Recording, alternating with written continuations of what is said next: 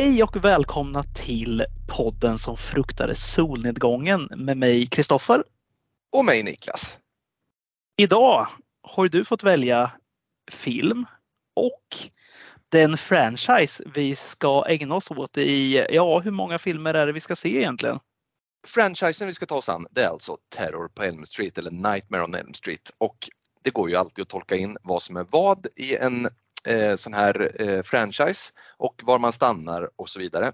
Jag har tänkt mig att vi kör fram till Wes Cravens New Nightmare från 1994, alltså sju filmer i serien och så hoppar vi, för nu i alla fall, över Freddy vs Jason och vi hoppar över eh, den här nyinspelningen av eh, A Nightmare on Elm Street som kom 2010 och koncentrerar oss på, på grunddelarna istället då.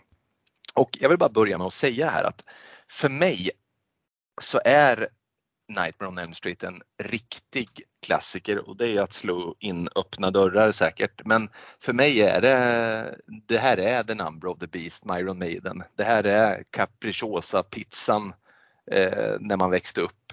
Det här är liksom så nära trygghet man kan komma utan att på något sätt vara trygg egentligen. Vad har du för relation till den här filmserien om du har någon relation? Jag såg den här ganska tidigt. Jag är född 85 när den kom 84. Jag kan tänka mig att jag såg den här runt 95, 96 någonstans där. Alldeles för liten som vanligt när man har sett mm. sådana här filmer. Och eh, ja, det här var nog bland de första skulle jag tro jag såg ändå. Väldigt så här, mardrömslik film. Mycket läskiga grejer som, eh, som lever kvar. Sen eh, kanske jag inte delar just den, den tanken just idag.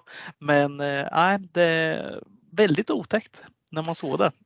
Ja, verkligen. Och det finns ju en grundpremiss här alltså. Ehm, eh, vi pratar lite kort om det idag, det är nästan att du skulle få hålla det, men jag tycker det var en intressant iakttagelse ändå att vi, vi är ungefär tio år in i slasher-vågen eh, som du säger, eller slasher-filmen om vi då räknar in Black Christmas från 1974 och sen så har det liksom tuffat på lite.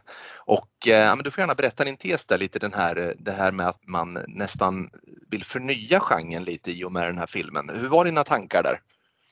Nej, men det är precis som du säger där. Vi har haft Black Christmas och vi har haft Halloween. Vi har haft tuffat på ganska bra där hela sena 70-talet och tidiga 80-talet och sen 84 där då slashen går väl lite inne på sista andningen där skulle jag säga i alla fall. Mm, vi har, ja, precis. Ja, vi är väl inne på vad kan vi ha? Har vi Halloween 3, Halloween 4 någonstans där är vi. Mm, ja, i årtalet. Mm. Och redan där, de har ju tappat bort eh, Michael Myers redan i en av filmerna där. Mm. Så att redan där går vi på sparlåga och då tror jag ändå att Wes Craven som får anses vara någon slags, kan man, kan, får vi säga lite gudfader inom nyinventionen av skräckfilm? Kan man säga så? Verkligen, alltså, jag skulle säga att Wes Craven är ju en eh, på något sätt så, så gör han ganska rak film, ganska lättbegriplig film och liksom inte något så här eh, svårmod i den mannen. Men ändå lyckas han förnya genren och förändra och komma in med, med nytt fräscht blod ofta. Det är ju inte bara Elm Street en, ett ehm, bevis på utan även det han gjorde med Scream-serien sen i en utdöd genre tycker jag är någon slags bevis på det ju. Ja, Eh, och det vi har i den här eh, filmen, eh, eller filmerna, det är ju egentligen en, man kan väl säga att det är en fortsättning på slasher-genren ganska enkelt egentligen. Vi har den här maskerade mördaren som nu är ja, Freddy Krueger, den här brännskadade mannen eller spöket, hur man, demon, vad nu är för någonting. Mm. Och eh, han, han avverkar ju egentligen folk på samma sätt som i vilken slasherfilm som helst det vi har egentligen är ju det här övernaturliga inslagen vi får i återigen som eh, vi hade innan slasherfilmerna började rulla. Precis, och vi har det där klassiska attributet. Ja, men för, för alltså, då det är vanligt med, med knivar och yxor och, och, andra tillhyggen så har han den här klassiska eh, handsken då med, med eh, knivblad som naglar som man får säga är en ganska innovativ del att bistå med i en, eh, så att säga, vad ska vi kalla det för, någon form av eh, revival ändå för slasher-genren på, på ett nytt sätt. Och just den här taken då, vi lär väl komma till det, men just det här med att Freddy Krueger är den här demonen som dyker upp i drömmen och just idén med att du får inte somna. Den är ju både skrämmande och väldigt innovativ. Där sätter han pricken över i egentligen. Det, alltså han, han gör något nytt där, just det här med drömmarna. Det, det är jäkla snyggt. Där. Det, är en, det är en bra take att komma in där. Du får inte somna. Alltså det, blir, det, det passar så bra in i en skräckfilm. Ofta ser man de här också ganska sent på kvällen. Du börjar bli lite slumrig själv. Mm. Och, så, och för att du sätter in, jag, jag antar att det är lite därför han, han tar den vägen också. Verkligen. Och jag tänker mig, tänkte att ha varit en ung eh, person i, i, precis rätt eller nästan fel ålder har sett den här filmen när den är ganska ny och känslan av att gå och lägga sig på kvällen sen när man har sett den här och vet hur det går när man somnar för de här personerna. Det är ju en jäkligt, jäkligt bra idé. Det ska man inte sticka under stol med alltså. Ja, men precis och där har vi ju den här lilla trivian också just varför det kom till där och det var ju samtidigt som den här eh, gjordes filmen. Precis innan så hade det kommit de här dödsfallen av asiatiska män som hade dött i sömnen. Det var ju många av de här som hade flytt från Colombia från Pol Pots regim. Och, eh, Eller Kambodja ja.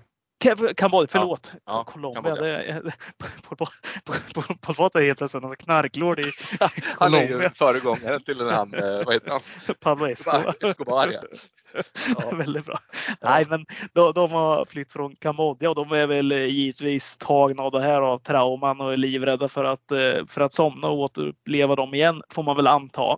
Så att de håller sig vakna hur länge som helst och när de väl somnade så vaknade de upp skrikandes och eh, avled många av dem. Eller många dog i sömnen också. Eh, och det här var ju något slags syndrom då som gick eh, runt helt oförklarligt varför de här dog. Och där tycker jag ändå den idén passar väldigt bra in här. Just att du är så rädd för någonting mm. och gör att du inte ska somna. Det är, det är snyggt. Nej, men riktigt bra. Och sen just i den här filmen eh, också att han leker mycket med det här med att man vet inte riktigt, alltså det är en person som uppenbart är trött och som börjar sluta sina ögon och börjar slumra men du är aldrig riktigt säker på, har personen hunnit somna eller liksom vaknar den till i rättan tid eller så här. Och det gör att det blir en ganska så drömsk stämning i filmen hela tiden eh, som, jag, som jag tycker är jäkligt trevlig faktiskt. Det är New Line Cinema som, eh, som har gjort filmen, som har producerat den. Mm. Och det kan ju du historien också. De stod ju på ruinens brand in, innan den här släpptes. De hade ju mm. otroligt många floppar av filmer eh, på 80-talet. Som, det var ingen som lyckades så att de satte allt på ett enda kort egentligen. De köpte rättigheterna till eh, Terror på Elm Street. De lyckades ju otroligt bra med det här. Det här är ju samma studio som sen eh, gjorde Sagan om ringen så att eh, ja, för förstå väl hur bra det har gått.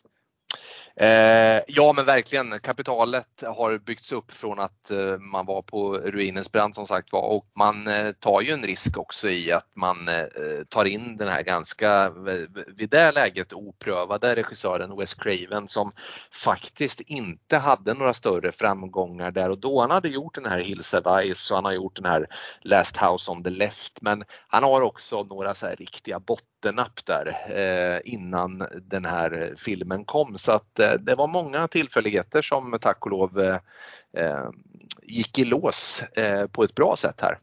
Ja, det är kul. Det är, det är kul när det lyckas. Man älskar ju någon en underdog som kommer tillbaka också. Det gör man. Men du, ska vi göra så här, för det känns ändå som en ganska bra start att vi börjar med att går igenom lite av nyckelkaraktärerna i den här filmen för att sen kanske föra det framåt därifrån.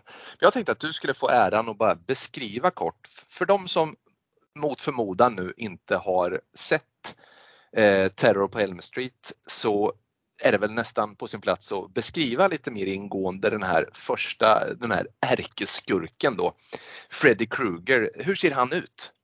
Freddy Krueger, han går i sin Fedora-hatt. Han har en stickad tröja som är röd och svart. Röd och grön. och grön. Ja, Röd och grön. jag Ja. försökte rimma där. Det så. Ja, just det. Vart det dåligt, dåligt rim om inte får till det. julrim har du skrivit. Röd och grön är den. Eh, och han har då en... Eh, Hade han haft en, en Milan-tröja på sig annars, Fredrik Krueger? Eh, Maldini står det här? för. Så jävla oläskig. Nej, han har ju sin handske då som har, eh, vad är det, det rakbladsknivar som sitter eh, fastskruvade där. Filmen börjar ju med det, hur han bygger ihop den där handsken lite. Mm, precis. Ja, men det är väl någon sån, eh, liksom, eh, något substitut för långa naglar. Liksom. Och de, de sitter ju jäkligt hårt på den här vanten eftersom de är kapabla att skära genom det mesta, får vi veta i filmen. Precis, och han är ju groteskt brännskadad den här mannen också. Och, och han har ett jäkla humör har han. Mm. Han är lynnig eh, och han är eh, alltså som sagt, vi kommer nu gå igenom hela den här serien men i, liksom, första filmen här så är han inte riktigt sådär skojfrisk som han kommer att bli sen utan det är en ganska otrevlig snubbe faktiskt i första filmen. Ja, han, eh, han försöker så gott han kan där och vara riktigt otrevlig. Mm. Sen har vi ju den här, det är väl ganska klassisk Wes Craven ändå, att den, är- det ska vara lite skoj ändå. Ja, som det han det. Är eh, kastar in. Nej, det är det absolut inte. Här snackar vi ju glimten i ögat och det, Mm. det tycker jag ofta går hand i hand med Wes Craven. Det är Mm. ju som Scream. Det är, det är glimten i ögat. Absolut. Eh, nej, men han, han skojar friskt och han är inte rädd för att eh, kasta ur sig några välvalda ord om kvinnor. Eh, nej, det, han är, eh, han är, ja, det finns mycket som han skulle behöva jobba på i, sitt, eh, i, sitt, i sin personlighet den här mannen. Och för att gå vidare då, vi har ju en, en eh, huvudkaraktär i filmen som heter Nancy. Nancy är väl så nära man kan komma en riktigt klassisk final girl i den bemärkelsen att hon är, men hon känns skötsam eh, och eh, med lite skinn på näsan och ganska prydlig och gör inga större utsvävningar i livet. Nej, men Eh, precis. Det är väldigt, eh, så här, lite, jag tror jag sa det förut idag där när vi pratade lite kort om lite så här pojkflickaktig karaktär. Hon är modig och eh, den här, men hon är inte det här våpet som det ofta pratas om i såna här filmer eller som sticker ut. Där, där har vi eh, hennes vän istället, Tina istället, men eh, vi kommer till henne. Ja precis, Tina uppfyller de kvalifikationerna istället. Eh, och eh, ja, Nancy har en, en jag vet inte liksom hur allvarligt deras förhållande men hon har en pojkvän som heter Glenn och eh, som spelas av en mycket känd Hollywoodskådis eh, som heter Johnny Depp. Eh, och det är en väldigt ung Johnny Depp i den här rollen om jag räknar rätt så är han 21 år och det är väl, jag vet inte om han har varit med i någonting innan den här filmen. Du hade någon, någon var, var han handplockad eller vad, vad hade du tagit reda på där? Ja, en av eh, anledningarna till att han fick den här rollen var ju för att Wes Cravens eh, dotter tyckte att han var ordagrant dreamy. Mm. Eh, och det, det är väl, det, det, även om man inte skulle tala i sådana termer själv så, så finns det väl en anledning till att han eh, blev stor. Han har ju någon form av karisma som man kan se redan här tidigt tycker jag. Eh, Nancys far eh, är poliskonstapel i den här filmen och spelas av en väldigt klassisk skådis. Har du någon relation till honom och vad heter han? Vi har ju eh, John Saxon som eh, Lieutenant- Lieutenant Thompson som är farsan och eh, han har nog alla som gillar film, alla som gillar kampsportsfilm har garanterat sett honom som Roper i Enter the Dragon där han eh, tävlar med Bruce Lee. Eh, precis. Och jag vet inte, alltså nu, nu har vi väl en ganska sådär, vi, en central figur är ju också eh, Marge som då är Nancys mamma. Och eh, John Saxons, jag vet inte, är de, är de fortfarande gifta i den här filmen eller har de skilts? Jag tolkar det som att de är skilda. Ja, Om inte annat så lever de ett eh, väldigt trött särboliv skulle jag säga. Ja, men exakt.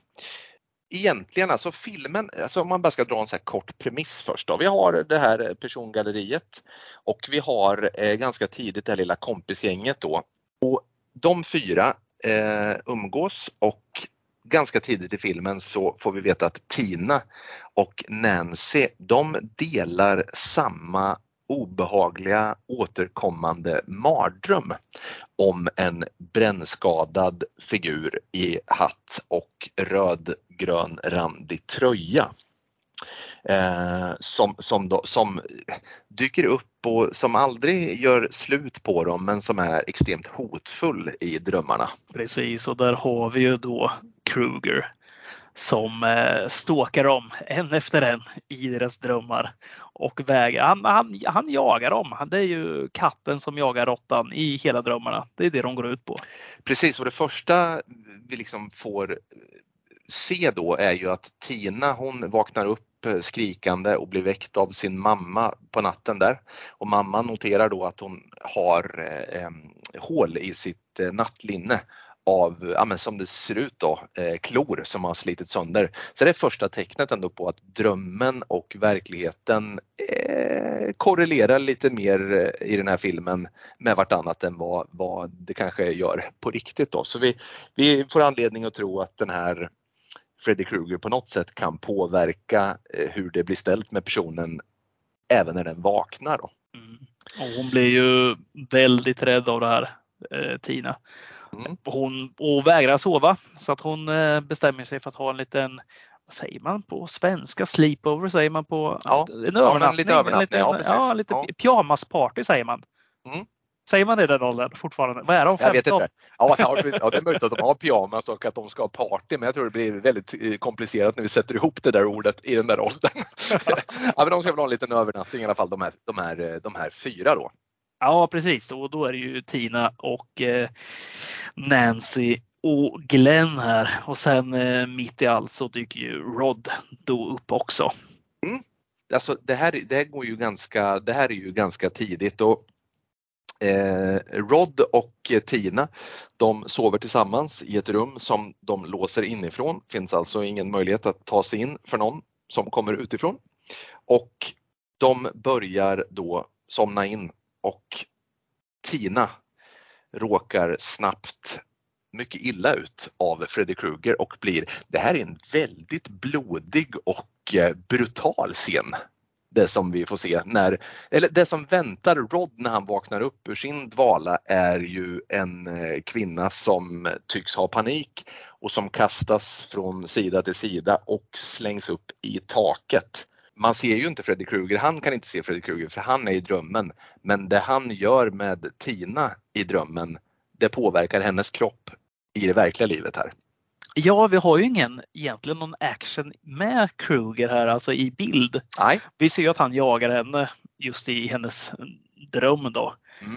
Eh, och kommer henne nära. Liksom. Vi förstår ju vad han gör då. Vi ser att hennes, eh, det kommer klösmärken, det kommer blod ur henne och hon jagas upp och ner eh, på väggen och sen upp i taket där. Mm. där jag får lite den här, just eftersom man, vi ser det här från rummet bara där hon sover. Mm, mm. Jag tycker det är lite Exorcisten-varning här. De har ja, verkligen, eh, här har han ju lånat. Mm. Och, och det är väl det här just det du inte ser är ju ofta det läskiga. Eh. Eh, här ser du ju liksom, du, du ser ju vad som händer men du vet ju inte vem det är som gör eller hur det exakt går till och det blir ju ganska obehagligt. Där. Det, det är snyggt där det är en salut till Exorcisten skulle jag påstå. Utan att ha en aning om det så tycker jag ändå att det här är en, en kärleksfull, eller kärleksfull, men från Wes Cravens håll eh, eh, så är det en väldigt tydlig hommage till Exorcisten och jag tror att eh, det, det, den gesten är gjord med kärlek. Sen är inte det Freddy Krueger gör med Tina eh, gjort med kärlek, absolut inte. Nej men det, det, kan nog mycket väl stämma att det är en hommage till, till Exorcist. Jag har inte heller läst någonting men känner vi Wes Craven rätt i och med Scream-filmerna mm. så vet vi att han är ju inte blyg för att eh, låna och hylla äldre filmer. Nej, absolut inte. Och ah, som sagt, Rod här, han, eh, han ser ju, eh, han får ju panik såklart för att det han står inför är ju en kropp som är fullständigt eh, söndertrasad i ett låst rum inifrån där den enda personen som är på plats är han. Så det är väldigt mycket för en utomstående som pekar på att det är Rod som har gjort det här naturligtvis då med Tina. Han får panik och eh, ja, han slänger sig ut genom fönstret va? Precis, han flyr rakt ut där och Mm. Nancy och Glenn kommer ju in där och de ser ju att eh, ja, de möts ju av den här förstörelsen och blod överallt och sen Mm. är eh, det finns ingen där kvar. Det är ju bara ja, ett, ett fönster som är sönderslaget. Mm, ja precis. Och eh, ja såklart det blir ett polispådrag och eh, John Saxons Lieutenant Thompson där dyker upp och ja, eh, Rod blir ju jagad men, men Nancy på något sätt hon, hon, hon misstänker ju, man får inte känslan av att hon misstänker Rod själv utan hon tänker nog ganska tidigt att det här hänger ihop med den här eh, djävulska karn som dyker upp i drömmarna snarare än att eh, det skulle vara eh, Rod då. Ja precis, de har ju pratat lite kort om det också, nämnt den här drömmarna. Men Mm, bara i precis. korthet.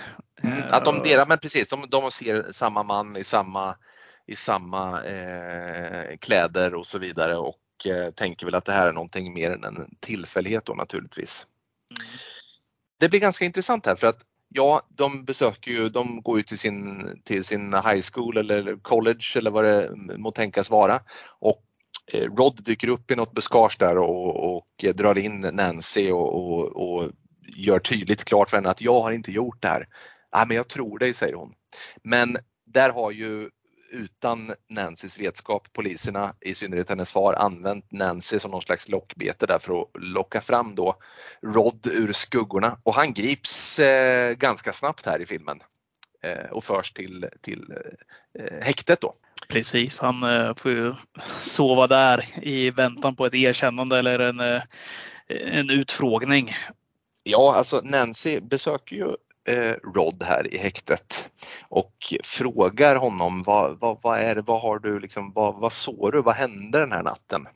Och eh, så visar det sig att också Rod upplever samma typ av dröm med den här eh, hattprydde mannen med handsken och den randiga tröjan. Ja, vad eh, så långt då? Har vi någon, någonting som stiger, alltså förutom den här grundpremissen med att vi har den här, Eh, den här obehagliga eh, just förutsättningen som jag pratade om att man inte får somna. Vi har den här väldigt karaktäristiska eh, filmskurken. Vi har de här ungdomarna som sig bör i en slasher. Finns det någonting här som du vill lyfta ut specifikt så här långt i filmen eller liksom, känner du att det, det, det tuffar på i sakta gemak här? Nej, men den, den tuffar på Göran, men vi har ju ganska mycket av det här som gör Alltså de tar ju slasher-genren vidare. Vi har, det jag var inne på här förut var ju med Tina där, eh, kompisen Mm. hon som blir eh, mördad här av Kruger. Mm. Det är ju att hon är den här, hon är ju, hon är ju sexuellt aktiv. Hon och Rod bonkar ju rätt bra där innan eh, de går in i drömmarnas land båda två. Mm. Mm. Och det här är väl någonting som ofta är, är du en bonkare av rang i en slasherfilm. Då ligger du illa till. Då ligger du illa till. Ja, Eller Ja, du det ligger du. rätt bra till men sen eh, ligger du illa till. Ja men verkligen. Eh, Om du däremot är moralisk, klanderfri och eh, skötsam och väljer boken före spriten, ja men då ligger du bra till. Ja det gör man. Det, Mm. Eller de. De, ja men verkligen, ja men så, så är det. Och, men där tycker jag det följer en, det följer en utstakad väg som många Ja. andra sådana här filmer gör. Och det, det är inget negativt utan det är också en liten hommage till de här filmerna just att eh, man följer eh, vissa regler. Det är de här reglerna som, eh, som Scream också tar upp det här med att eh, har du sex i en film som kvinna, du kommer antagligen dö. Ungefär Absolut. så är det ju, de Mm, säger mm. den också. Och det, jag tycker det är kul, eftersom det är Craven så, så är det roligt att han, eh, han följer sina egna regler. Ja men precis och, och eh, om vi då för över det på det manliga könet så ligger du ofta mycket illa till om du är en tuffing med stora muskler och som man tror är stark och eh, du vet en sån som kan eh, ge tillbaka. Ja, men de faller också ofta ganska hårt i den här typen av filmer. Och Ja. där, där har vi ju Rod i det här fallet. Jag tycker Glenn alltså, som spelas av Johnny Depp, han är lite mer laid back men, men Rod här, han är, han är lite tuffingen ju. Ja, men det är ju. Han eh, påminner väl ganska mycket om eh, Travoltas eh, karaktär i Grease skulle jag säga. Han, är, han har den här skinnjackan och lite halvbackslick håret där. Mycket mm, mm. pomada i det skulle jag säga. Ja, och så, och han, han, det, han skämtar gärna och drar en muskeldödare men nåde dig om du säger något ont om honom då åker ja. stilettet fram. Ja det gör det. Ja, ja precis. Du Fast han ger en kram efteråt. Och... Ja, men, ja precis. Han, man ska inte gärna om honom. Nej, det ska man inte göra. Och han är ju också eh, filmens nästa offer här. Och det kanske är värt att nämna det också att det finns ju i de här dröm... Eh, vi får ju här se de här, det här drömlandet som de befinner sig i och de hamnar ju ganska snabbt så vaknar de ju upp i drömmen i där de befinner sig.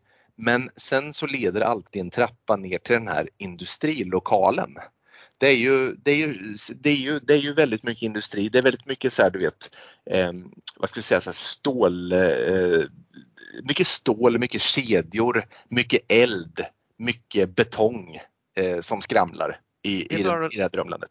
Vet vart de kommer? Det är när du spelar Super Mario 1, när du hoppar ner i det här röret för första gången. Ja, Dit kommer det. Dit kommer. Det är eld och det är rök och det, det saknas bara någon köttätande blomma där. Ja, och musiken är inte det hade ju nästan kunnat vara. Ja, det kunnat lite vara. syntigt. Nästan Nej, det, det, är lite mer obehagligt än så, men det är väldigt mycket ånga där nere i det här mm. så att det blir som en dimma. Eh, precis och ja, Eh, Rod han, eh, han råkar ju eh, jävligt illa ut här helt enkelt när han somnar. För han är nästa offer där. Och då blir det också tydligt för, för gänget att det kan inte gärna vara Rod som begick det första eh, mordet på samma sätt när han nu är inspärrad. Och filmen rullar vidare och jag skulle vilja stanna lite vid, vid just Freddy Krueger i de här drömmarna. För det är ju inte bara så att han är en läskig person som är brännskadad och har den här handsken utan han har ju precis som man kan ha i drömmar så har han ju någon form av eh, supernatural eh, powers. Han kan eh, förlänga armarna, han kan placera sig själv i objekt och vara helt osynlig. Han har ju lika mycket möjligheter som man kan ha i en dröm egentligen. Mm. Ja, det är ju så han tar livet av Rod där, i och med att han, han blir någon slags orm av lakanen som eh, Rod har i fängelset där på sin Precis. lilla brits och mm. sen eh, ja, får de att hänga sig själv då. Precis. Han blir ju som sagt eh, hängd av lakarna som då mm. är Freddy Krueger, helt korrekt. Det som också är lite coolt med Freddy Krueger är att Nancy när hon befinner sig i skolan så sitter hon och slumrar på en lektion där ju. Eh, minns du den scenen? Hon vaknar sen upp i klassrummet och någon man, eller någon ja, jag ska säga, klasskamrat där står och håller något föredrag eh, framme vid, vid tavlan och hon börjar så sakta gå ut ur klassrummet för att hon ser ju Tina i en sån här eh, liksäck släpas runt där ute. Hon följer blodspåren. Mm. Och hon springer då in ju, vill du ta vidare? Hon springer in i en en tjej som står och gapar som har liknande klädsel som någon vi känner i den här filmen. Ja men precis, den här tjejen ser ju först ganska normal ut där. Mm. Och eh, pratar väldigt kort med henne att inte springa i korridoren tror jag hon säger något. Nu med risk för att jag säger fel här. Mm. Ja men precis så är det. Och sen när hon vänder sig om igen för att titta på den här tjejen då står hon där med den här handsken av knivar och i samma stickade tröja som Mr Kruger. Mm, och vinkar lite lätt åt henne. Mm. Och vi, det är inte bara objekt som han kan så att säga överta utan han kan, eh, han verkar ha obegränsat med, med eh, resurser i drömmarnas land helt enkelt. Då. Och eh, ah, hon vaknar upp skrikande eh, i klassrummet och sen så, sen så hamnar, alltså det som händer sen är ju att vi hamnar här i någon form utav eh, ska vi säga, jag får inte kalla det husarrest, vad ska vi kalla det för, det, det Nancy hamnar i egentligen? Ja men du, jag, jag får bara stoppa det innan ja. vi kommer mm. dit. Just det här när hon vaknar upp där ur drömmen. Mm. Det är mm. väl lite där vi också måste ta ett litet avstamp för just att det hon gör i den här drömmen när hon ser den här läskiga tjejen där. Och hon går ju ner i sen i det här eh, ångrummet eller den här industrilokalen också. Hon blir jagad lite av Kruger där. Mm. Eh, då, hon väcker sig själv där genom att sätta sin arm mot ett sånt här ångrör. Just för, Just att, just för att vakna ur drömmen. Mycket Får vi bra. anta. Liksom, att hon förstår liksom, att jag måste vakna upp för det här är bara en dröm. Mm. Och då vaknar hon upp i, i klassrummet igen och eh, skriker och eh, så ser hon faktiskt att hon har ett brännmärke på armen. Precis på det stället där hon la emot eh, röret, ja som sagt var. Mm, precis. Ja, och då ser vi ju den här att eh, just vad du upplever i drömmen även tar sig in i verkligheten också. Mm, Vilket precis. är ganska ovanligt i drömmar får man väl säga. Ja, det är oftast så, så, eh, så är det ovanligt. det känns det som. Oftast är det ovanligt också. Ja, det är of- oftast är det. Och Ja, i 50 av gångerna är det 50%. Ja, fantastiskt. Nej, men sen, sen kommer vi till det du är inne på där. Vi har ju den här Rods eh, eh, begravning och där börjar ju Nancys föräldrar ana oro och det här med hon be- beskriver sina drömmar för dem. Och de tar ju henne till den här, eh, vad säger man, det är någon så här drömklinik, alltså för folk som har, vad, säger man, disorder, man säger Men. Även där får jag, även där får jag lite så Exorcisten-vibbar. Alltså, eh, hon, men precis som du säger, de gör ju tester på henne. Hon får somna under kontrollerade former och sen så via någon sån här apparatur så mäter man då eh, hur hennes drömfrekvens ser ut och, och sen så, så när den når något visst intervall där så vet man att ah, men nu är det en mardröm. Eh, Ja, och, Det och är den exakt det är Ja, precis, precis. samma som Regan får, blir utsatt för i Exorcisten förutom att hon får de här små elchockerna istället. Ja precis, så att hon är van. Alltså det är inte den här sömntaken eller liksom, det är, det är snarare så här, ja det är olika typer av aktivitet men det är precis på samma sätt ja. Jajamän. Mm. Och eh, såklart då så, så eh, når hon någon form av intervall där som inte är möjligt. Det måste vara fel på, på maskinen. Då. Eh, och man inser att eh, ja, hon, hon ligger illa till här, Nancy. Och där är återigen där så eh, slumrar ju hon till. Eller hon Mm. slumrar ju hela tiden. här. Det är därför Mm, den här ger mm. utslag.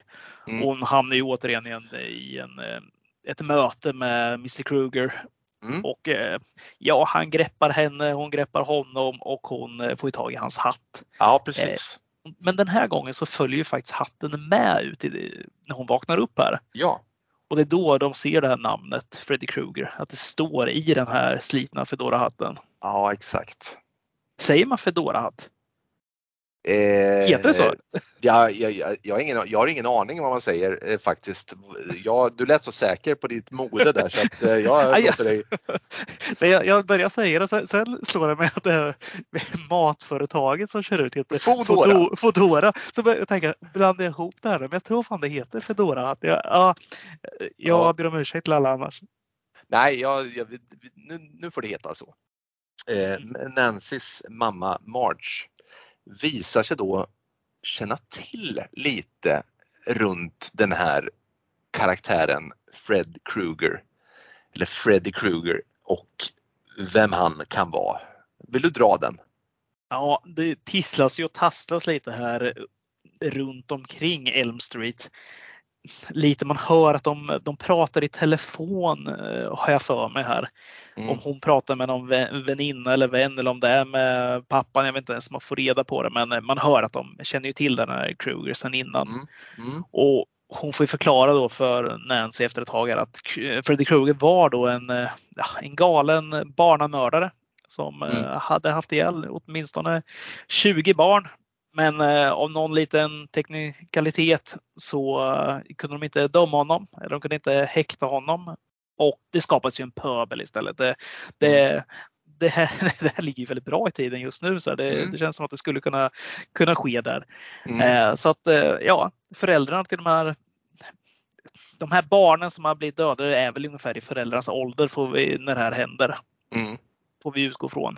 Mm. Och att deras då, eh, föräldrar, eller de här då, har attackerat dem. Eh, attackerat. Freddy. Och Precis. eh, bränt honom levande. Ja, man har tänt eld på karln helt enkelt. Varav eh, är anledningen till då att varför han ser ut som han gör i drömmen. Och det är då vi får reda på liksom att ja, men Freddy är nu tillbaka då för att ja, döda barnen till de här föräldrarna som eh, brände ihjäl honom och eh, barnens vänner.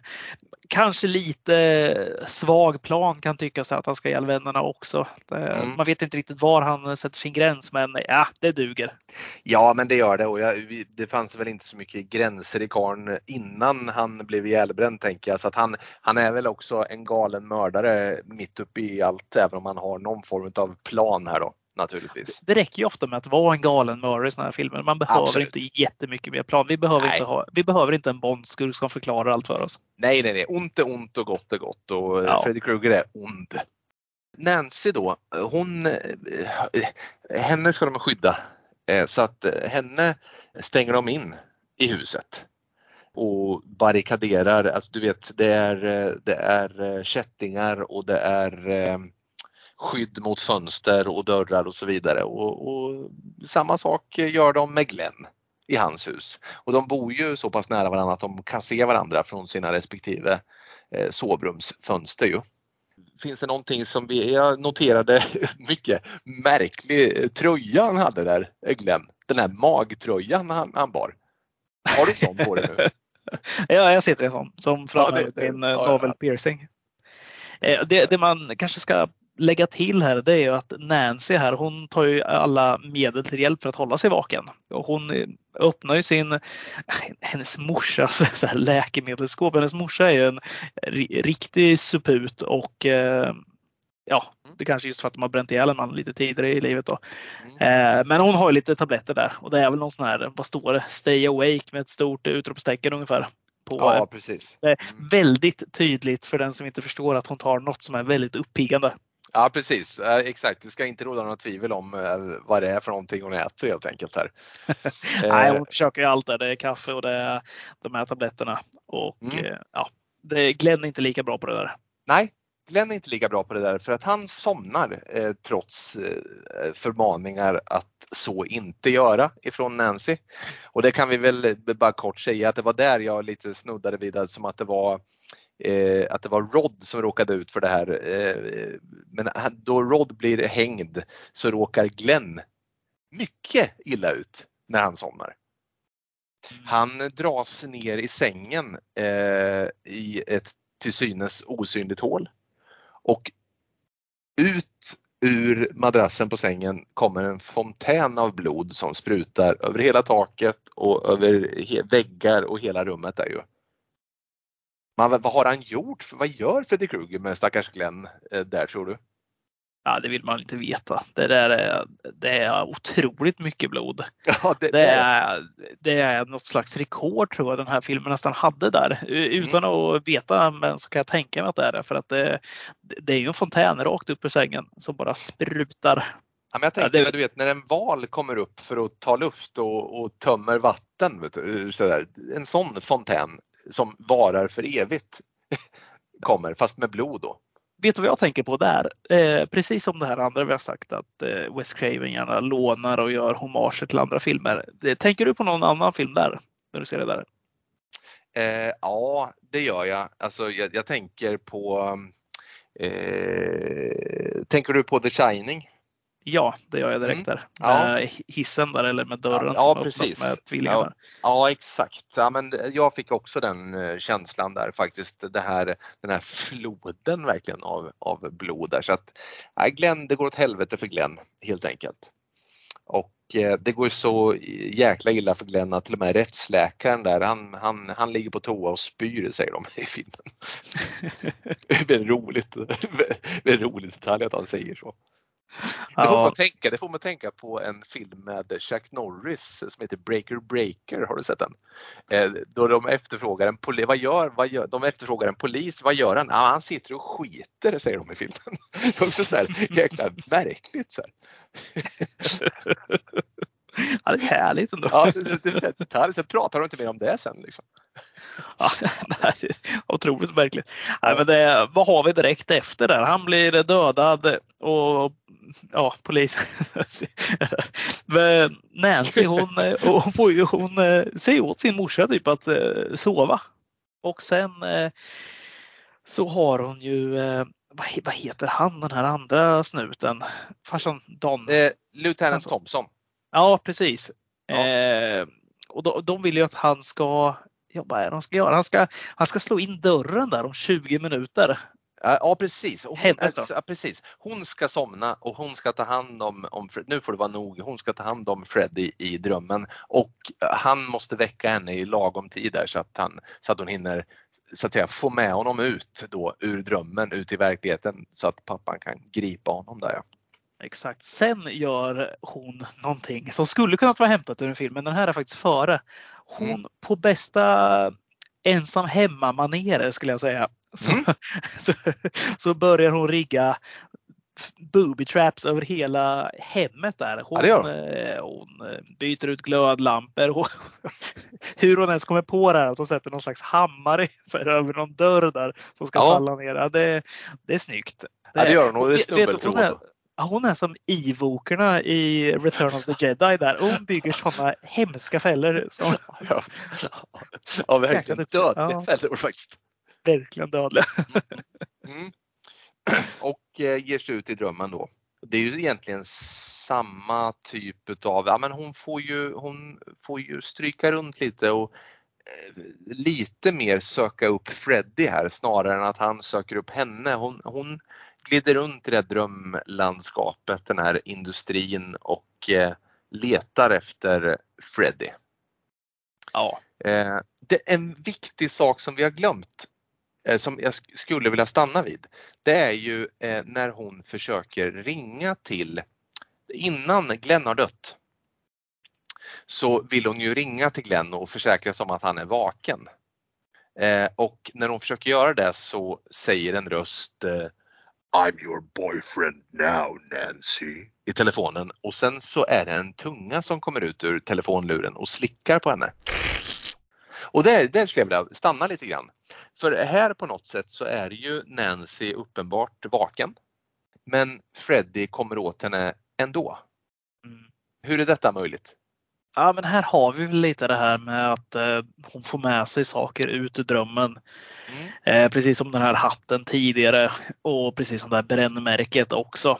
Det, det är väl nu man börjar undra liksom vad det är som eh, innan känns det som att det man får med sig det är mer det här som du själv Alltså du själv gör någonting för att få med dig det ut. Du måste Mm. handla själv. Här känns det som att du, någon, det onda har tagit sig ut också Ja, utan att du har liksom bett om det. Precis. Nästan sådär så att man känner också att Freddys eh, mål är ju att på något sätt inte bara vara aktuell längre i, i drömmen utan att han jobbar ju på en tillvaro även i det verkliga livet.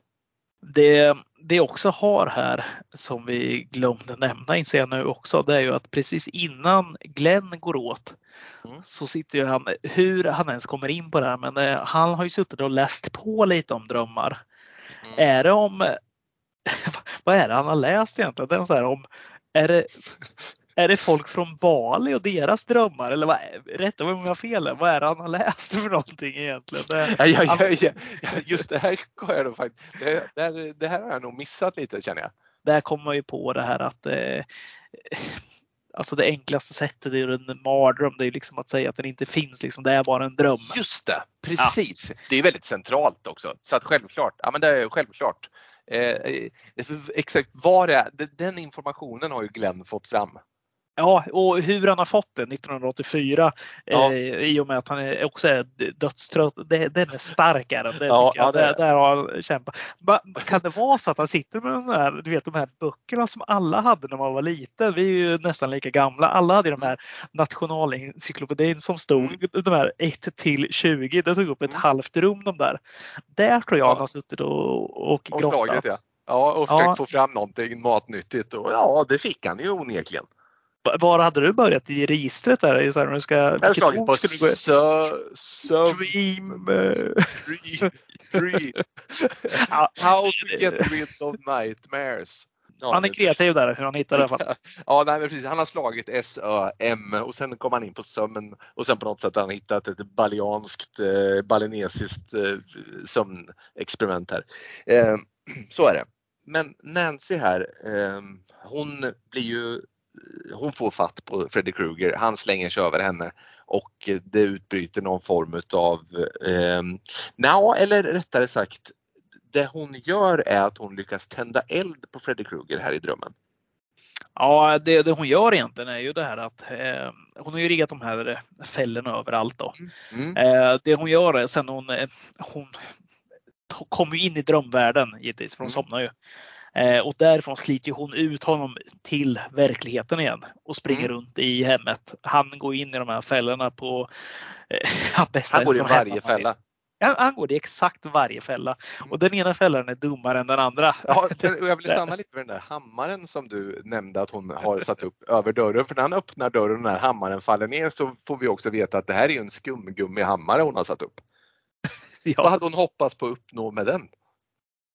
Ja, det, men det är väl den här lilla humorn som Craven ofta har. Det känns ja, det som. Och det, det, det blir mer att det Freddy Krueger säger det är ju åh, åh! och det är inte för att det gör ont utan för att han tycker att det är lite jobbigt bara. Nej, ja. men det är roligt. Men eh, han, eh, ja, han får den där på sig. Han får någon så här liten, liten explosion och någon lampa på sig. Den lite mindre. Eh, mm. Men hon sticker ner där i källaren och där lyckas hon eh, tända eld på honom. Eh, hon låser dörren till källaren när hon har satt eld på honom. Mm. Och så rusar hon ju upp. Och eh, mm. precis när hon gör det, då står hon ju och ropar till poliserna för de är ju bara gatan över. Att de mm. måste komma in här. Eh, och mm. precis när de slår in dörren där och kommer in så märker de att han mm. har stuckit från, eh, från källaren. Och precis som du säger här, det är ju brinnande fotsteg då som, eh, som, som, visar vägen i bästa serietidningsmanér. Just det. Eh, och att han har tagit sig uppåt då. Mm. Precis och eh, de följer det och då, då har han, eh, han har gett sig på eh, en central figur här också när han brinner. Ja, det är mamman. Han har gett sig på Marge. På något sätt så, så hur, är hur gör de här för att bli av med Freddy när de kommer upp? Ja, det som händer är, de kommer in och hittar honom i, i sängen med mamman. Det är inte lika romantiskt som det låter utan eh, han eh, försöker ha ihjäl henne där. Ja. Eh, pappa Don, lieutenant eh, Thompson, mm. han eh, ja, de släcker ju eller de kastar ju på någon sån här lakan har jag för mig det. Ja, Brandfield då. Mm. Och släcker den. Men i samma mm. ögonblick som det här gör då försvinner ju Kruger och eh, Marge, morsan då, ja, ner i sängen. Där de, så här, de fejdar ut liksom ner i den. Just det. Och det här blir ju, det här är ju något som både Nancy och eh, pappan bevittnar båda två. Mm.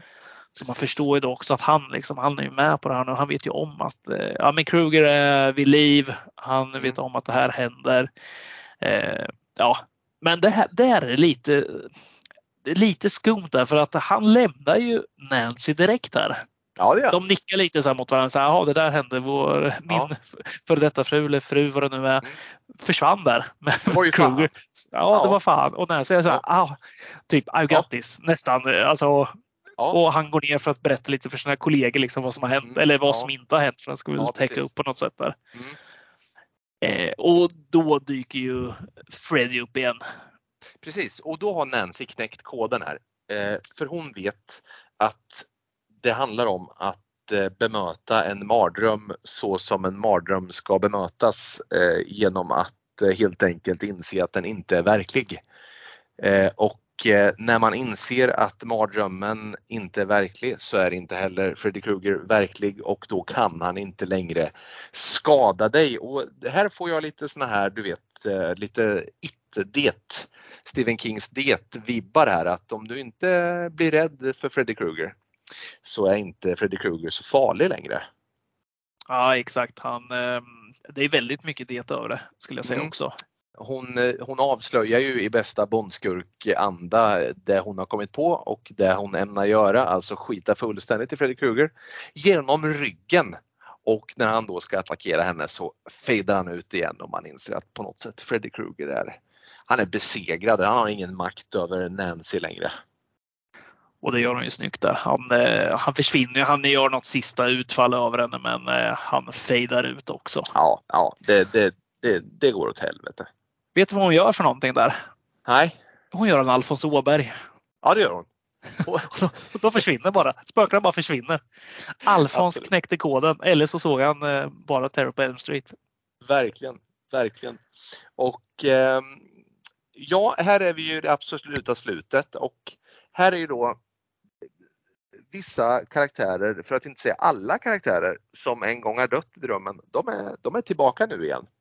Ja, de, det blir ju en ny dag. Nancy mm. går ut. Det är som att vi, vi backar bandet kan man väl säga. Ja. När det här händer. När Freddy Krueger försvinner där ja. fejdar ut så är det som att vi backar bandet tillbaks till dag ett igen. Nancy går ut från sitt eh, familjehem.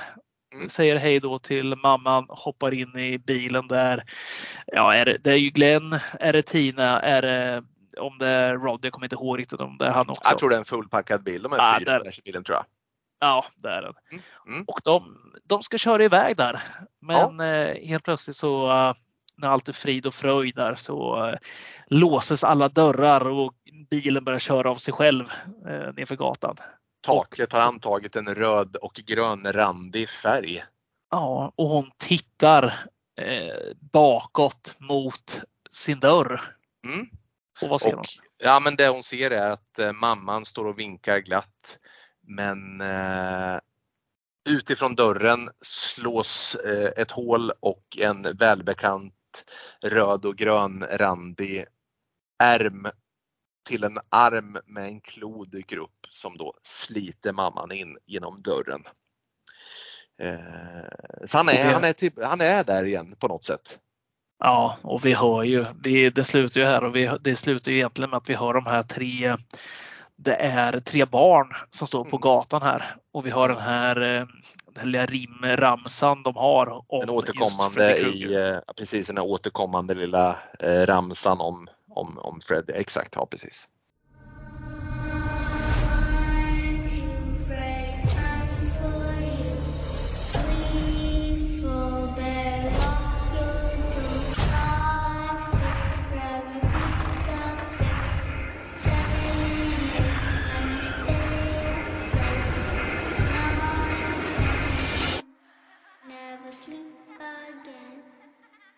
Väldigt effektfull den här ramsan. Eh, jag tycker den är snyggt gjord också. Den, är, ja. den sätter sig gör den. Verkligen, verkligen. Om jag inte minns helt fel där så var det hon eh, Heather Langenkamp, hon som spelar Nancy. Eh, det här kanske jag får rätta sen också, men hennes dåvarande pojkvän som under inspelningen kom på den här ramsan bara skrev den och sen var den ah. så bra så att de uh, körde den. Det är Coolt, för, kul för grej. Den, är ju, den, är ju, den blir ju extra effektfull eftersom det är barnen som rimmar den också eh, på något sätt. För att då understryka att han, eh, han är en verklighet, den här läskiga figuren för eh, många barn helt enkelt i den här filmen. Då. Ja, precis. Vad, vad tycker du om slutet här? Alltså jag tycker att det är ett svinbra slut. Mm. Eh, jag tycker att det är ett, ett eh, slut som på något sätt, ja, men, ja det ska jag väl inte säga att det är, alltså ganska vanligt i en slasher är ju att vi får en sista skymt av att mördaren förmodligen inte är riktigt död trots allt. Det är ju det absolut vanligaste slasher-slutet som finns. Men här tycker jag att man gör det jäkligt snyggt. Här tycker jag att man ändå får känslan av att han är besegrad eh, i och med att hon på något sätt eh, inte är rädd för honom längre då. Men ändå på något sätt så, så dyker han upp och det, han gör det i ett väldigt oväntat läge av filmen så när, man, när man verkligen tänker att allt är frid och fröjd. Vad tycker du? Nej, men jag håller med dig också. Jag tycker det är jättebra slut. Jag gillar sådana där slut. Det, mm. det jag ville komma till egentligen bara, det var ju att eh, när de gjorde den här filmen så Wes Craven här hade ju en eh, tanke att eh, göra ett lyckligt slut. Mm. Och eh, ville då att eh, Nancy skulle vakna upp och precis som det är i slutet nu, gå genom den här dörren, se att det är en fin dag och ja, bara liksom köra iväg med sina vänner. Men eh, studiodirektörerna hade ju lite andra planer här. De vet ju att pengarna ligger i uppföljare. Verkligen. Mm. Så att eh, de eh, gick väl emot det. De, får, de fick både och kan man väl säga. Alltså, mm. West Craven fick en del av det och de fick en del av det. Ska vi väva in det här? Vad tycker, alltså om du bara får, får bara ge en liten sammanfattning om vad du, vad du tycker om den här första eh, filmen i serien om Nightmare on Elm Street och kanske också bara leverera ett litet betyg där också. Ja, nej, men jag, jag, tycker att den här filmen är eh, klockren. Jag, jag är ju ett stort fan av 80-talet, förutom kanske kläderna. Jag tycker de är charmiga dock. Men jag gillar, jag gillar synt och jag gillar det här neonaktiga. Jag gillar, eh, jag gillar enkelheten framför allt tror jag. Sen tycker jag om det här att det inte är jag har aldrig varit något jätteslasher-fan. Så jag tycker det blir ganska skönt med den här twisten att man väver in det övernaturliga igen. Det tycker jag är härligt. Sen ska jag väl säga att jag, jag tycker inte det är en film som eh, i skräckväg åldras jättevärdigt. Det gör jag inte. Jag tycker att den, eh, den är underhållande fortfarande för att, jag, för att filmen är kul. Men den är, just när man ser den nu 2022, då är den också mer rolig än vad den är läskig. Sen vilken film är inte det kanske som, man, eh, som har så många år på nacken. Men eh, det blir mer glimten i ögat nu. Det, du kan se den och, och garva lite. Men när man såg den första gången, jäklar vad rädd jag var. Men jag tycker det är en eh, riktigt stabil film. Jag skulle inte säga att det är en femma, men jag tycker att det här är en eh, solklar fyra till film. Jag hade nog velat ha jag hade nog velat ha något mer på slutet där. Jag tycker just den här jakten när, när hon bygger de här fällorna blir lite fjantig. Men eh, det är en liten skitgrej bara. Nej, men en, en absolut stabil fyra. Eh, gott betyg. Ja, men jag, jag, vill, jag, får väl, jag stämmer in i lovsången i mångt och mycket. Jag, har, jag, jag, liksom, jag är uppvuxen med, inte alla Nightmare on Elm Street filmer, men det här var absolut en av dem och eh, jag levde ju länge i förvissningen om att det bara fanns en typ av skräckfilm. Att det var just slasher-genren.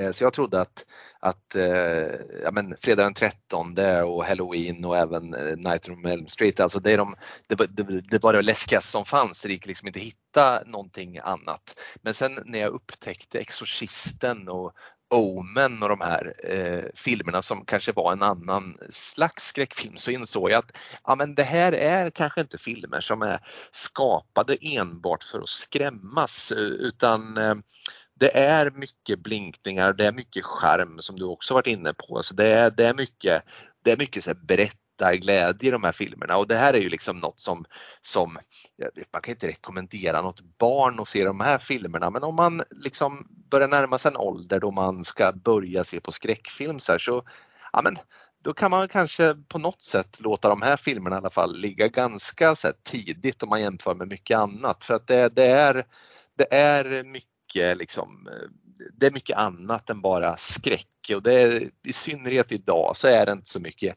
skräck kvar. Eh, man, man kan se Nightmare on Elm Street och man kommer inte man kommer inte bli livrädd.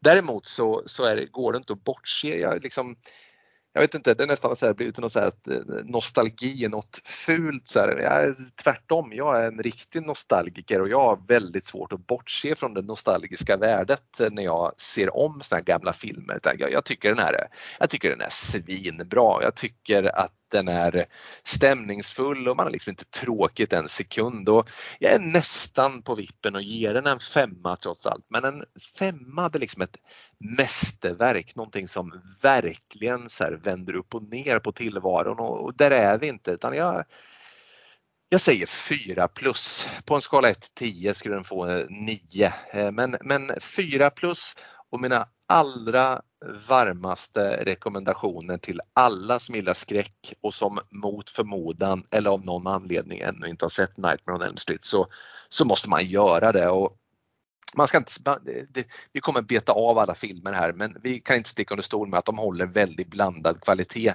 Men den här första filmen, den är riktigt bra och den, den, den ska man bara ha sett om man gillar skräckfilm. Kan man säga så här att hade hade vi året varit 1984, du och jag hade varit 15-16 eh, år gamla mm. och sen gått och sett den här, då hade det varit en femma.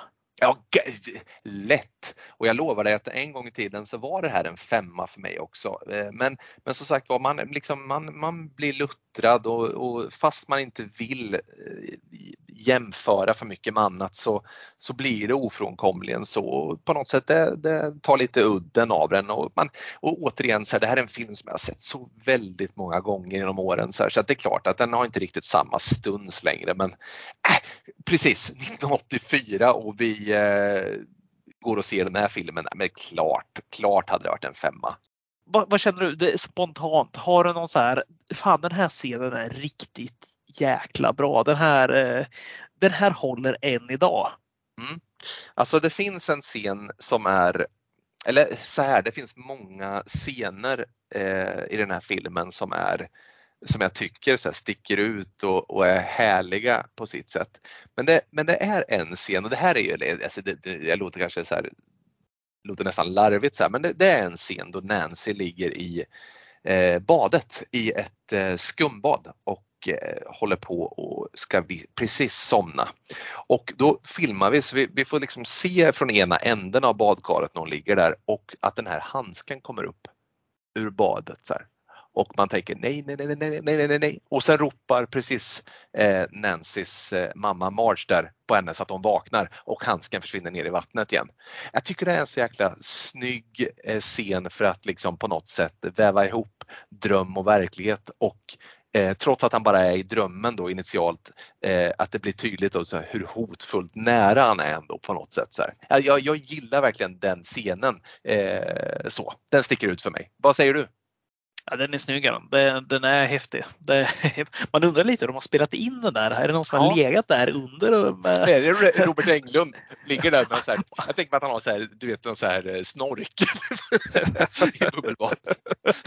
Jävlar vad, vad skådespelerskan Nancys föräldrar ska ha varit närvarande där. Du, du, du håller på en meters avstånd Robert. Mm, Robert, du suddar bort det där äckliga du har i ansiktet. Jag ser vad du gör. ja, nej, men, nej, men den, är, den är snygg och den är, den är obehaglig. Det just för att man så här, knivar innan, eh, alltså, alltså insidan av låren, det ryser lite i kroppen där. Det är alltså, obehagligt. Det, det är lite det också. Man känner, fan vad skada den där handsken kan åstadkomma i det läget. Det är lite e det man känner en liten vinkning där och ja, ja alltså, läpparna får av och eh, ja, lite mer också. Äh, det, det är obehagligt.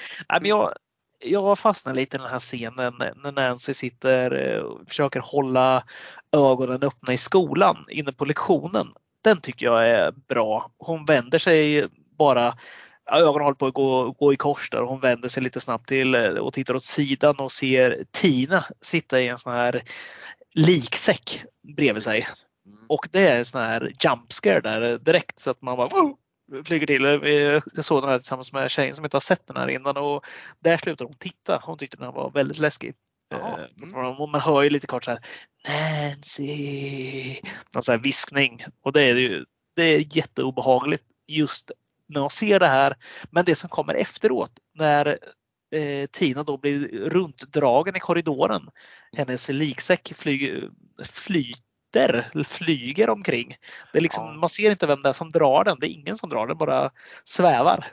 Och det är riktigt snygg scen tycker jag. Och då får man ha i, alltså man måste ha i tanken att det här är 1984 det görs. Det är inte några dataeffekter här som eh, släpar iväg den här. Om vi ska gå in på det som är lite sämre då. Har du någon mm. Eh, direkt där som du känner så här att det här, det här håller inte riktigt eller den här kunde vi ha skippat lite? Får jag passa över till dig först där och bara låta, bara låta det sjunka in lite och fundera lite grann? Absolut. Jag känner eh, rent spontant här att det här jakten hon riggar de här fällorna. Jag mm. får, nu har man sett Ensam hemma som kom efteråt, men jag tycker det blir lite för mycket MacGyver över det här. Hon står mm. och, alltså hon ska hålla sig vaken. Hon börjar så här, typ bygga fällor av glödlampor. Det är som att hon så här, jag tror hon sitter med någon slags patroner till någon så här hagelbrakare där som hon byter mm. ut och fyller i. Det, allt det här, nu får man ha betanke att de här är 15 år eller 17 i filmen, hur gamla de nu är. Det, jag tycker det är ganska svagt där att hon ska ha ihjäl honom på det här sättet, liksom försöka skada honom. Jag, nej. Mm. Och sen den där mm. skumgummihammaren. Det, det blir ja, liksom den, den tar priset. Ja, den, den tar priset och det här det ja. blir lite för det blir ett lite för komiskt inslag tycker jag. Det blir mm. för mycket äventyr, det blir för barnvänligt. Den, mm. Det blir mycket stånk och stön av, av ehm, eh, att Freddy tycker det är jobbigt snarare än att han får ont. Så är det ju.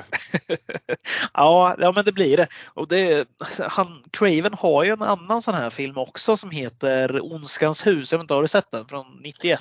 Eh, nu ska vi se, är det den? Den heter People Under the Stairs. Ja, Under the Stairs. Ja, ja, den har jag sett fast det är väldigt länge sedan. Ja, Nej, det är lite liknande sån scen där också när den här pojken i väggen springer omkring och aktar sig för, ja, från den onda mannen.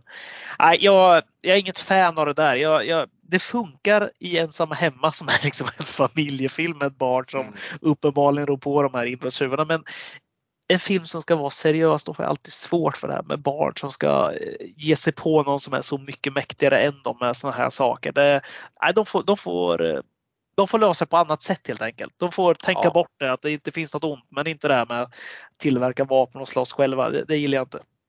Eh, nej, men jag, jag, jag, kanske gör det enkelt för mig och skriver under på det då. Eh, ja, men som sagt var, jag, jag, på något sätt så är det ändå, hur ska man uttrycka det då? Han, de, de här filmerna, alltså det är ju, det är ju, den här första filmen är ändå långt mycket allvarligare i tonen än vad de kommer att bli i serien. Eh, Freddy är en karaktär som ändå spelar ganska mycket så på gränsen. Han är ju, han är ju verbalt otrevlig karln och så här. Eh, det blir nästan så att den faller över lite eh, ibland lite ofrivilligt på fel sida, så här, komiken, som i den här filmen då. Men många gånger så är den ju också, väljer den att vara lite så här rolig och lite så här, du vet morbid eh, humoraktig. Men jag, jag, får nog, jag får nog skriva under på det så här skumgummihammar när den faller ner liksom och det, det, är, det, det, är, det, det är filmens bottennapp faktiskt. Vad, vad, tycker du annars om eh, Robert Englund som eh, Freddy Krueger? Eh, men väldigt karismatisk. Alltså snacka om att trivas i rollen. Det är ju en man som fullständigt går upp i den här karaktären. Han är ju mycket förtjust över att bära det här brännskadesminket, att ha på sig den här handsken. Eh, han, känns, han känns ju lycklig som att han verkligen hittar hem i den här rollen. Ju. Ja, verkligen. Han trivs ju så otroligt bra här. Men ja. det, nu vet jag att vi har nämnt det här tidigare, men man har ju sprungit på honom några gånger på den här sci-fi mässan och han är, han är verkligen Freddy Krueger. Alltså det, det går inte att säga nog många gånger. Det, jag tror Fredrik från skräckfilmscirkeln nämnde det senast också här. Alltså det, han är en skön, skön gammal gubbe numera som mm. gärna bjussar på sig själv. Och, nej, han, där snackar vi glimten i ögat. Alltså han, han är Freddy Krueger. Det, det går inte. Det, de gjorde ju en remake som sagt på den här också. Men ja. det går inte att byta ut Robert Englund som Freddy Krueger. Det skrev jag under på. Eh, men du Hoff, vad säger du? Eh, nästa vecka så ser vi inte Terror på Elm Street 2 utan eh, då har du förberett det och du gjorde det med den äran så du får gärna du får gärna bestämma vilken film vi tar nästa vecka. Det ska jag göra. Då ska vi se. Måste jag kolla min lapp här. Jag skriver ner en liten lista här så att vi har eh, förberett en liten mm. pool vi kan dra filmer i. För att vi kör ju, tanken är väl att vi kör varannan vecka för att inte trötta ut er lyssnare för, att, för, mycket. För att fortfarande behålla vår kärlek till Robert Englund så måste vi på något sätt göra små avstickare här i den här serien vi kommer göra den här eh, franchisen. Eh, vi kommer gå igenom den med äran i behåll. Mm. Det är en sak som är säker. Nej, men vi, ska, vi ska väl bege oss till Argentina för att se Aterados. Hörde du min läspning där på slutet? Mycket bra. Mycket jag bra har ingen aning om den uttalas så eller inte. Terrified heter den på engelska i alla fall. Mm. Från mm. 2017 som mm. ser ohygglig ut när man kollar på trailern. Och ja. Det är någonting, mm, rätta mig om du tycker annorlunda, men att se skräckfilm som inte är på engelska, det är nästan alltid ett säkert kort på att du kommer bli lite räddare tycker jag. Ja, för att de avviker. Det är inte bara japansk skräckfilm som avviker från den här klassiska mallen som vi är vana vid utan jag tycker man ser det även i andra länders produktioner. Alltså det finns ett litet annat grepp och just det faktum att du inte riktigt fattar. Du har ju texten, subtitles på såklart, men du, du fattar ändå inte riktigt vad de säger eh, och, och, och ibland så blir det lite sådär det blir lite autentiskt på något sätt då. Den ser vi nästa vecka eh, innan vi fortsätter med Nightmare on Elm Street 2 då. Det tycker jag låter som en idé här. 6,4 av 10 på IMDB har Aterados och eh, det får väl ändå anses vara ett eh, rätt hyggligt betyg för en Jag skulle påstå att för att vara skräck så är det ett bra betyg. Nej, men du spännande. Då har vi lite argentinskt eh, läskig film att se fram emot nästa vecka och sen fortsätter vi med den här franchisen. Och eh, fram tills dess så ser vi till att ha våra kryddor i kylskåpet innan vi nu säger tack för oss och försvinner i nattens mörker.